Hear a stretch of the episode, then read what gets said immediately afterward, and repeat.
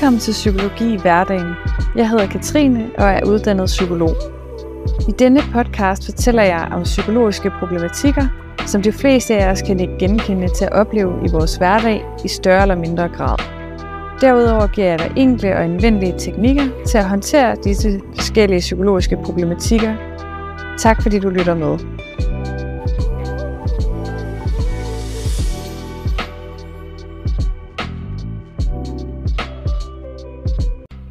Angst er en naturlig følelse, som vi alle kender til. Men for nogen så bliver angsten langvarig og så intens, at den kan hæmme en i at gøre almindelige dagligdags ting. Angstlidelse vurderes faktisk til at være den mest hyppigt forekommende psykisk lidelse i Danmark. Og størstedelen af mine klienter, der går i et terapiforløb hos mig, døjer også med angst i en eller anden grad. Så angst er derfor en meget relevant psykisk problematik, som jeg vil fortælle om i det her afsnit. Og jeg vil først fortælle om forskellen på angst og angstlidelser, hvorefter jeg så vil fortælle om to forskellige terapeutiske tilgange med forskellige teknikker til at håndtere ens angst. Så hvad er angst? Angst, det er din krops naturlige reaktion på noget, som der føles farligt, der kan omhandle en følelse af nervøsitet, frygt eller uro. Og angst, det kan blandt andet opstå, når man bekymrer sig over noget i fortiden eller fremtiden. Og for eksempel kunne det være den første skoledag, eller tage til en jobsamtale, eller skulle holde en tale, som der for de fleste nok kan gøre en nervøs. Og når vi oplever angst, så aktiveres kroppens kamp- eller flugtrespons. Og den her respons, det er kroppens måde at beskytte en på i en faretruende situation. Responsen, den omhandler for eksempel en række ændringer i kroppen, som blandt andet er en frigivelse af adrenalin og en stigning i hjerterytmen, som der hjælper en med at være stærkere, altså for eksempel at kæmpe, eller at bevæge sig hurtigere, for eksempel at flygte. Alt sammen noget, som der jo er meget nyttigt, hvis man er under angreb af en løve for eksempel, men ikke særligt nyttigt, hvis man bare skal ned i supermarkedet. Så angst på kort sigt, hvor der er en reel fare, er jo derfor meget nyttigt og godt, at man har den form for følelse. Men længerevarende angst, som der påvirker ens hverdag negativt i en længere periode, kan være tegn på en potentiel angstledelse. Angst kan føles meget forskelligt fra person til person. Man kan fx føle angsten som sommerfugle i maven eller hjertebanken. Man kan også have en følelse af kontroltab, og andre kan fx opleve angst øh, i form af panikanfald, mareridt eller ubehagelige tanker, som man ikke føler, at man kan kontrollere. Men nogle sådan typiske symptomer på angst, det er for eksempel øget puls, svimmelhed, kvalme, anspændthed, irritabilitet, hurtig vejrtrækning, restløshed, koncentrationsbesvær eller er svært ved at falde i søvn. Så som jeg har fortalt om nu her, så er angst jo en meget naturlig reaktion. Men det jeg så vil komme ind på nu her, det er, hvordan at angsten kan måske udvikle sig til en angstlidelse. Så altså hvad forskellen er på naturlig angst og en angstlidelse. Og det er jo normalt at være bekymret for eksempel for at flytte et nyt sted hen, starte et nyt job eller skulle holde et oplæg foran nogle fremmede. Og den type angst er ubehagelig, men kan også være med til at motivere en til at yde sit bedste. Og almindelig angst er derfor en følelse, som der kommer og går, men som ikke påvirker os negativt i vores hverdag, sådan i en længere periode. Og i tilfælde af en angstlidelse, så kan følelsen af frygt være hos en hele tiden, for eksempel. Og den type af angst kan få dig til at stoppe med at gøre ting, som du ellers før han har været glad for at gøre. Og i ekstreme tilfælde, så kan angsten for eksempel forhindre en i at gå ind i en elevator, krydse gaden, eller for eksempel måske at forlade sit hjem. Og hvis den her form for angst ikke behandles, så kan angsten blive ved med at blive værre. Så for at der er tale om, at man måske har en reel angst, lidelse, og ens angst ikke bare er en naturlig reaktion, så vil ens symptomer på angst altså være mere invaliderende og resultere i signifikant ubehag eller signifikant funktionsnedsættelse i ens personlige, familiemæssige, sociale, uddannelsesmæssige eller arbejdsmæssige områder i ens liv eller i andre vigtige funktionsområder i ens liv. Så altså før der er tale om en angstlidelse, så skal den her funktionsnedsættelse dog ikke blot have stået på i et par dage, men i en længere periode. Og jeg vil lige kort fortælle om nogle forskellige typer af angstlidelser, som man kan have. Det kan for eksempel være separationsangst, som er en frygt for at være væk hjemmefra eller fra tætte relationer. Det kan være helbredsangst, som er angst for ens helbred, tidligere kaldet hypokonderi. Så kan det være generaliseret angst, som er en generel ængstelighed eller overdreven frygt, fokuseret på flere hverdagsbegivenheder, som der oftest omhandler familie, sundhed, økonomi og skole eller arbejde.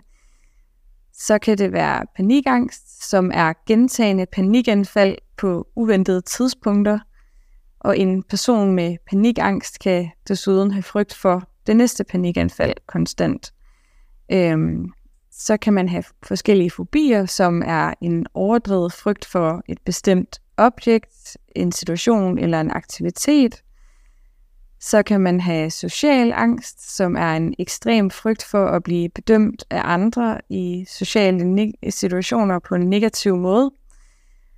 Så kan man have tvangslidelse, også kaldet OCD, som er tilbagevendende irrationelle angste tanker, også kaldet tvangstanker, som der for eksempel får en til at udføre en specifik adfærd gentagende gange for at undgå angsten, som også kaldes tvangshandlinger. Og der kan være forskellige årsager til, at man udvikler en angstlidelse, men det skyldes typisk et samspil mellem forskellige sociale, psykiske og biologiske faktorer. Og noget af det, som der kan udløse en angstlidelse, kan for eksempel være længerevarende mistrivsel og eller stress på grund af forskellige belastninger, enten i ens privatliv eller i ens arbejdsliv. Og det var så helt overordnet omkring, hvad angst er, og hvordan det adskiller sig fra at have en angstlidelse.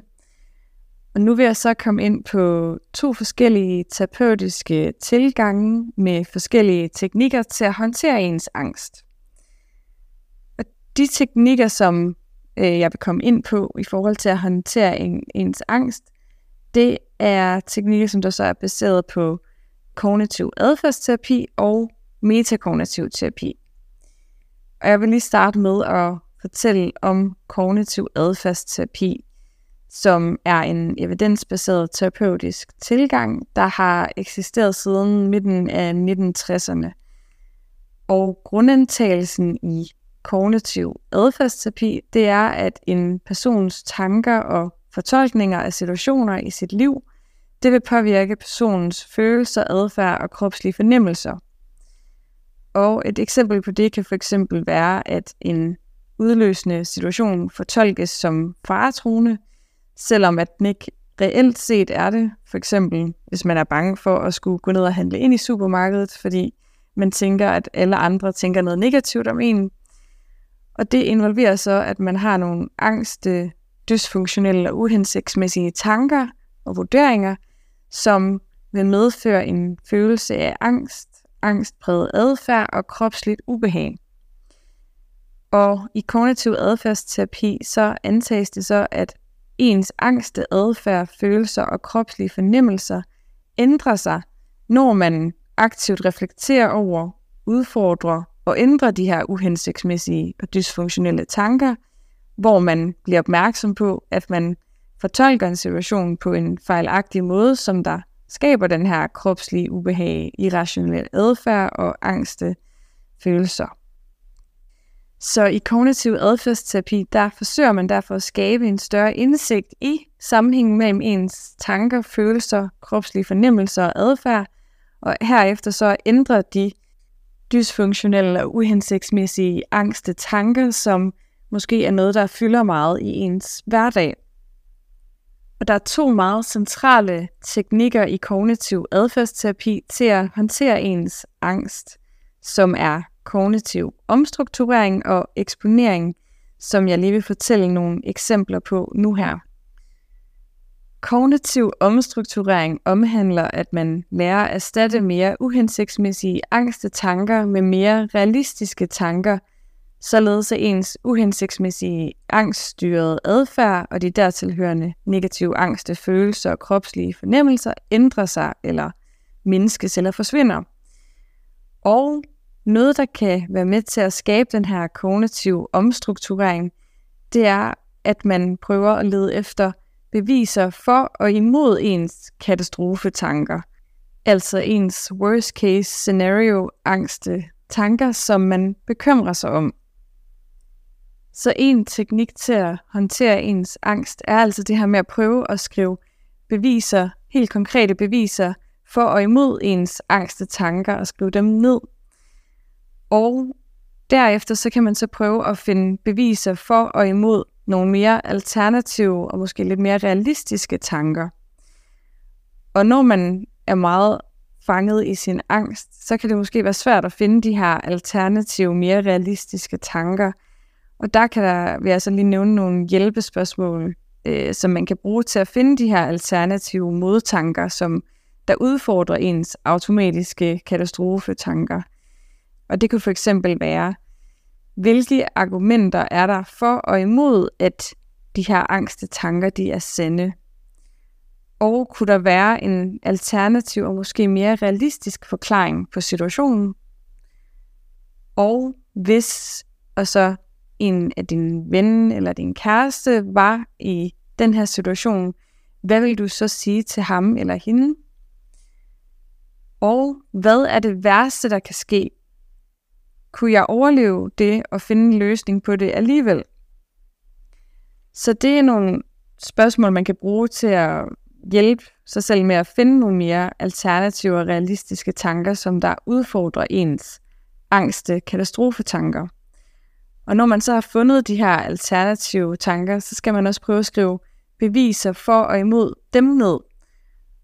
Og det, som mange oplever, er, at det faktisk er nemmere at finde beviser for ens alternative, mere realistiske tanker, som man har fundet, end det er at finde beviser for ens katastrofetanker, hvor angsten ligesom har sagt, at det var sandheden. Men når man sidder og skriver det ned sort på hvidt med de her beviser for og imod, både de øh, angste katastrofetanker og for de alternative, mere realistiske tanker, så går det mere op for en, at de angste katastrofetanker måske i virkeligheden ikke har så meget med virkeligheden at gøre, som man først havde troet.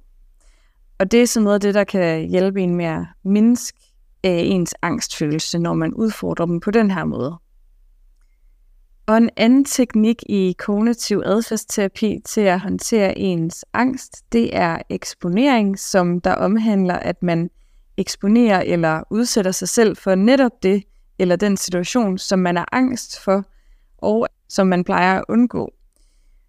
Og ved at blive i den angstfulde situation, så erfarer man typisk, at angsten aftager, og at situationen ikke var så slem som forventet, og at den uhensigtsmæssige tænkning derfor afkræftes. Og det er altså også noget, der er med til at mindske ens generelle angst for netop den her situation. Så noget af det, du kan gøre i forhold til den her teknik, i forhold til at håndtere din angst, det er at skrive ned, hvad der for dig er det mest angstfulde, som du kan gøre eller udsætte dig selv for, men som du ønsker at kunne gøre. Og efterfølgende så prøv at lave en trappestige med små trin, som du gradvist kan eksponere dig selv for, således at du på sigt kan komme op på det højeste niveau, altså det mest angstfulde trin på trappestigen, trin 1. Og det er selvfølgelig forskelligt, hvor mange trappetrin man måske tænker, der er relevant for en at eksponere sig selv for, før at man kan nå op til trin 1 med det, man er allermest angst for. Et eksempel på nogle trin, man kunne have i forhold til, øh, hvis nu man var angst for at skulle handle ind alene i supermarkedet, Det kunne for eksempel være, at det første og letteste trappetrin, man tog, det var for eksempel at gå ned i butikken og stå ude foran, og så gå hjem igen. Og næste trappetrin kunne være, at man går ind i butikken uden at skulle købe noget. Og trinet efter det kunne være, at man for eksempel handler ind sammen med en ven. Og efter det trin kunne det være, at man går ind i butikken alene og køber bare én ting. Og så kunne det være, at man er klar til det sidste trin, det her med at gå ind og handle ind selv i forhold til de ting, man nu har brug for. Og når du eksponerer dig selv for et af trinene, så bliv ved med at eksponere dig selv for det samme trin, indtil du har opnået en betydelig reduktion i angstniveauet. Altså at for eksempel angsten er faldet fra at ligge på 7 til 4 på en skala fra 1 til 10 i forhold til den angst, som netop det trappetrin skaber for dig. Og når du så har opnået den her mere betydelige angstreduktion, så er det så, at der du kan være klar til at gå videre til næste trin. Og igen, så er det jo selvfølgelig forskelligt, hvor mange trin, der måske er relevante i forhold til at opnå det, som man er allermest angst for.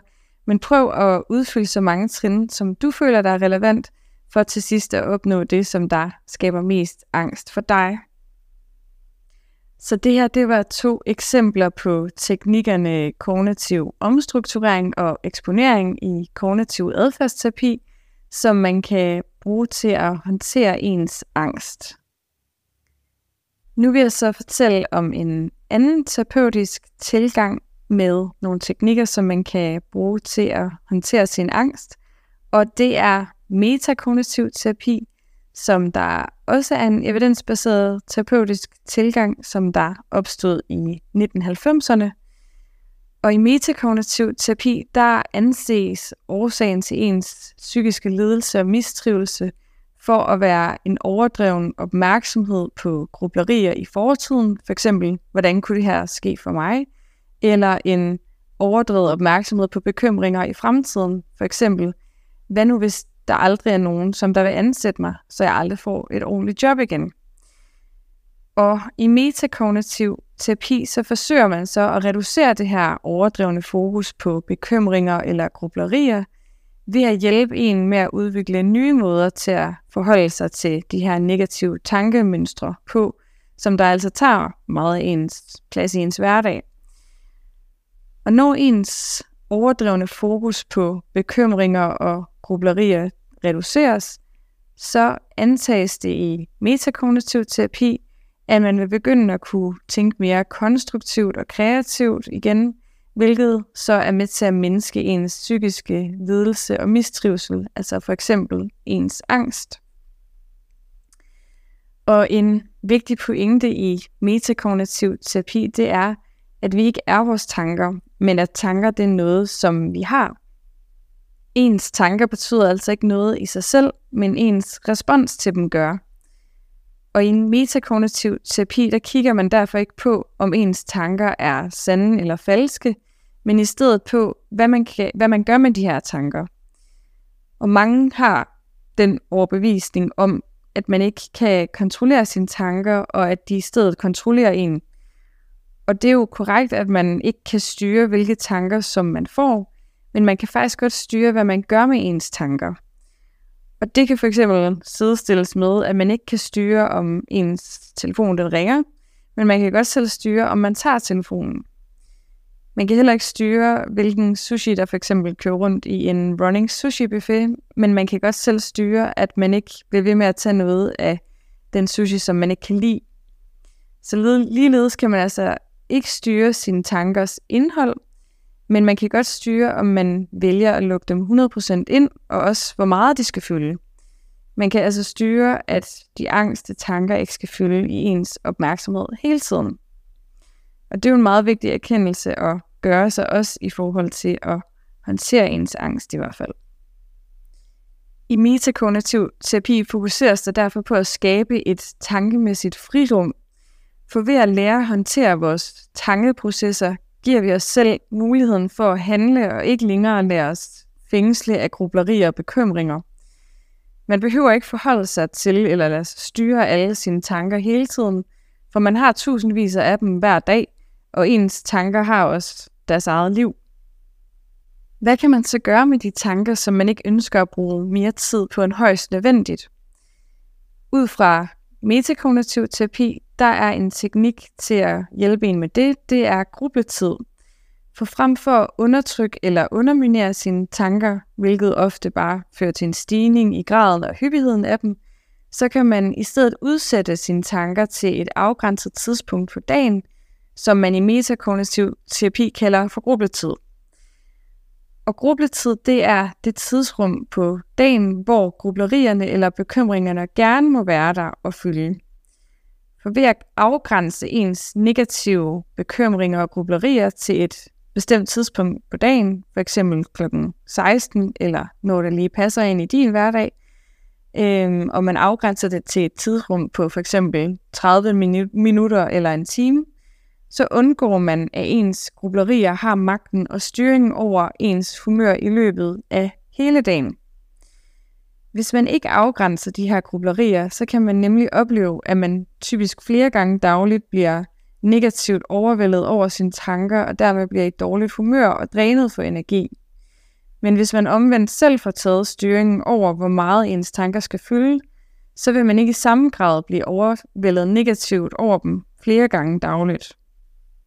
Så når dine bekymringer eller grublerier i forhold til din angst opstår på tidspunkter uden for det afgrænsede tidspunkt på dagen, som du har sat dig øh, til grubletid, så skal du øve dig i først at anerkende og observere, at de er der, uden at dømme dem, eller at gå ind i dem, eller dyrke dem, og samtidig sige til dig selv, at tankerne kan komme på et senere tidspunkt igen i din grubletid, hvis de altså stadig er relevante til den tid.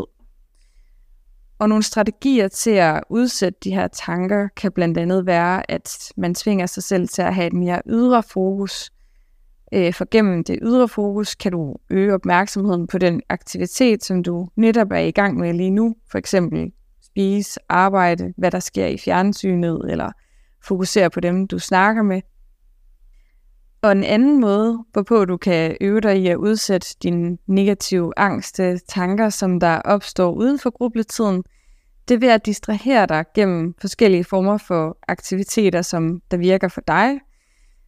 Du kan for eksempel gå i gang med noget af det, som det giver dig energi, for eksempel lave noget kreativt, gå en tur, lave mad, læse, eller hvad det nu lige er, som der virker for dig, og så at have fuld fokus på det, som du laver frem for på at gå ind i indholdet af dine tanker.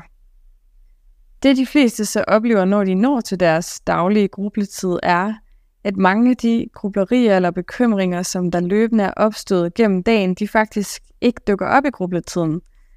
Og dermed så var bekymringerne og grublerierne altså ikke relevante nok til, at de dukkede op igen senere. Og det er netop det, der er årsagen til, at det er vigtigt at få afgrænset ens bekymringer og grublerier, sådan så det ikke er noget, som der får lov at få for meget magt og fokus i din hverdag.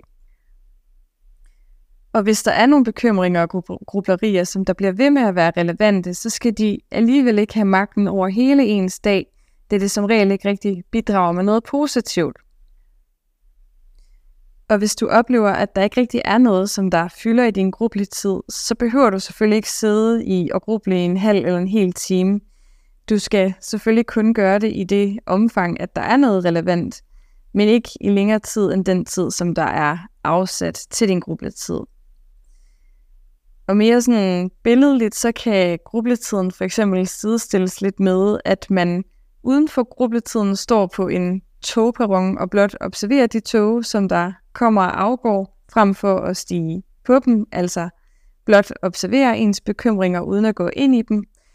Og når ens grubletid så kommer, så kan man stige på toget, altså gå ind i en bekymring, men kun være på toget eller dyrke bekymringen i det afgrænsede tidsrum, som man har afsat til det.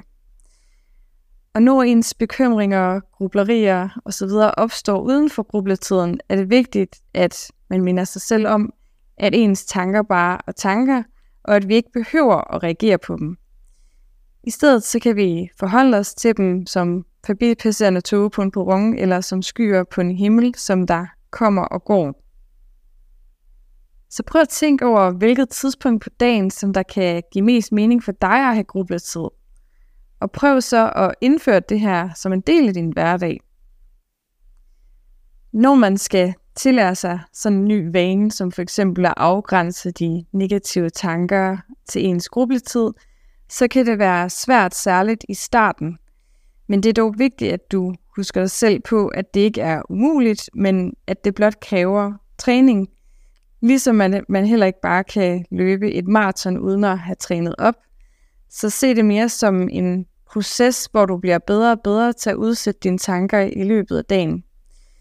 Du kan eventuelt skrive en notifikation i din kalender, som der i starten dukker op hver anden time, for eksempel, hvor der står grubletid. Og på den måde, så kan du løbende i løbet af dagen blive opmærksom på, om du for eksempel er kommet til at gå for meget ind i dine bekymringer eller grublerier, hvorefter du så kan huske dig selv på, at du skal udsætte det her til din daglige grubletid. Så de teknikker, som jeg har fortalt om nu her ud fra kognitiv adfærdsterapi og metakognitiv terapi, det er blot nogle få blandt en del forskellige teknikker, der er til at håndtere ens angst. Og jeg har lavet et online kursus, som der hedder Teknikker til at håndtere din angst, hvor jeg fortæller mere dybdegående om angst og angstlidelser, og også mange andre teknikker til at håndtere ens angst, end dem jeg lige har nævnt nu her i det her afsnit. Og kurset, hvis man skulle være interesseret i det, det kan købes på min hjemmeside valuebasedliving.dk. Og hvis det skulle have din interesse, så vil jeg bare lige kort fortælle lidt mere om mit online kursus nu her. Kurset det er designet til dig, som der kæmper med enhver form for angst, som påvirker din hverdag negativt, og til dig, som ønsker at få en dybere forståelse af din angst, samt ønsker at lære at benytte forskellige evidensbaserede, enkle og anvendelige teknikker til at håndtere din angst. Og kurset det består af ni lydfiler øh, eller lektioner af cirka 10-20 minutters varighed, hvor der så er nogle dertilhørende opgaver og øvelser, i alt 16 opgaver og øvelser. Og kurset det er inddelt i to dele. Den første del går fra første til og med fjerde lektion og omhandler at få en forståelse for angst, herunder hvordan angst adskiller sig fra angstlidelser, og hvordan angst hænger sammen med stress og ens selvværd. Og anden del går så fra 5. til og med 9. lektion og omhandler forskellige teknikker til at håndtere din angst, som tager for udgangspunkt i forskellige evidensbaserede terapeutiske tilgange. Kurset det fortælles på en let forståelig og enkel måde, hvor jeg løbende guider dig igennem de forskellige teknikker og opgaver, som der er, og til sidst sætter fokus på, hvordan du kan sammensætte teknikkerne på en helhedsorienteret og individualiseret måde, som der passer til dig og din angstproblematik. Gennem kurset så får du altså en grundig og dybtegående forståelse af angst og teknikker til behandling af angst, som der kan fungere som en form for værktøjskasse med forskellige redskaber, som du altid har adgang til. Og hvis du skulle har lyst til at købe kurset, så vil jeg anbefale dig, at du går igennem kurset i kronologisk rækkefølge, og at du maksimalt lytter til en lektion om dagen, og også laver de dertilhørende opgaver. Og hvis du køber det og ikke er tilfreds med det, så har jeg en tilfredshedsgaranti på kurset, hvor du kan få dine penge tilbage i op til syv dage efter køb. Og de ting, jeg lige har fortalt omkring mit online kursus, teknikker til at håndtere din angst, det er også noget, jeg har skrevet i beskrivelsen til det her podcast-afsnit. Men det var alt, jeg havde at fortælle for denne gang omkring angst og angstlidelser og forskellige teknikker til at håndtere ens angst. Jeg håber, at det har været brugbart, og så håber jeg, at du har lyst til at lytte med i mine kommende afsnit. Hvis du kunne lide det her afsnit, så vil jeg sætte rigtig stor pris på, hvis du for eksempel vil abonnere på min podcast, give den en anmeldelse eller anbefale den til andre, som du tænker kunne have interesse i at lytte med til den. På forhånd, tusind tak. Og hvis du skulle have lyst til at vide mere om mig eller mit arbejde som psykolog, hvor jeg tilbyder online terapi, så kan du læse mere om det inde på min hjemmeside, der hedder www.valuebasedliving.dk. Og her til sidst, så vil jeg bare ønske dig en rigtig god dag, og sige tusind tak, fordi at du gad at lytte med.